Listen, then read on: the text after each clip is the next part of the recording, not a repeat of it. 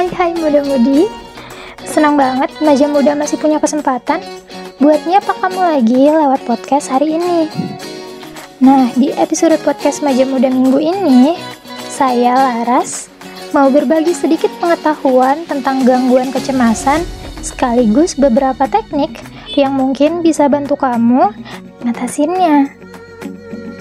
Oke sebelumnya, kita bakal bahas terlebih dulu Gangguan kecemasan tuh apa sih? Tiap orang pastinya pernah dong ngerasa cemas. Kayak nyasar di kota orang, lupa naruh kunci rumah, ban motor kempes di tempat sepi, dan lain-lain. Pastinya hal-hal kayak gitu bakal bikin hati kalian gelisah gak karuan karena cemas kan? Tapi ada juga orang yang cemasnya itu nggak biasa Nah, itu yang disebut dengan gangguan kecemasan. Orang yang mengalami gangguan kecemasan biasanya merasakan cemas berlebihan tanpa stresor yang jelas dan berlangsung secara terus-menerus sampai mengganggu aktivitasnya sehari-hari. Gangguan kecemasan yang begitu intens bisa membuat seseorang jadi selalu merasa takut sedih, bahkan berkembang menjadi masalah kesehatan mental yang lebih serius seperti depresi. Jadi intinya, gangguan kecemasan itu adalah rasa cemas berlebihan untuk ancaman yang bahkan belum tentu nyata. Gangguan kecemasan juga ada jenis-jenisnya. Ada panic disorder atau gangguan panik, generalized anxiety disorder atau gangguan kecemasan umum spesifik fobias alias fobia tertentu, social anxiety disorder atau gangguan kecemasan sosial. Untuk kasus gangguan kecemasan yang ekstrim, itu perlu banget dikonsultasikan dan dibantu oleh profesional.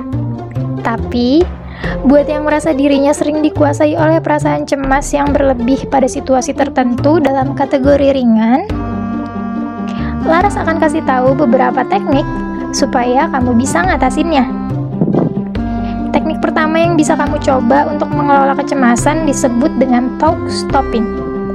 Caranya yaitu dengan mengatakan ke otak kamu ketika muncul suara atau gambar tidak nyata yang membuat kamu merasa cemas.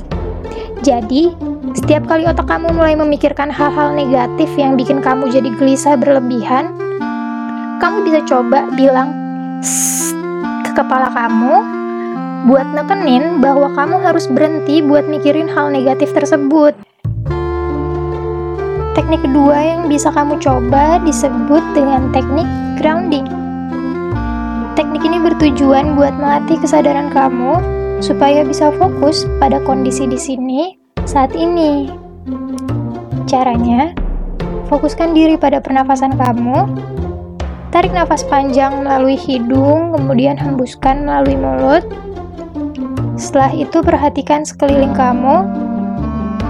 Coba cari dan temukan lima benda yang bisa kamu lihat, empat benda yang bisa kamu sentuh, tiga benda yang bisa kamu dengar, dua benda yang bisa kamu cium baunya, dan satu benda yang dapat kamu rasakan. Teknik grounding ini bisa membantu kamu untuk mengesampingkan pikiran-pikiran negatif yang memicu rasa cemas berlebihan di otak kamu dan fokus pada hal nyata yang ada di depan kamu saat itu. Oke, cukup untuk kali ini. Terima kasih banyak buat yang udah dengerin. Semoga hal yang Maja Muda bagi hari ini bisa bermanfaat buat kamu. Sehat terus dan tetap semangat.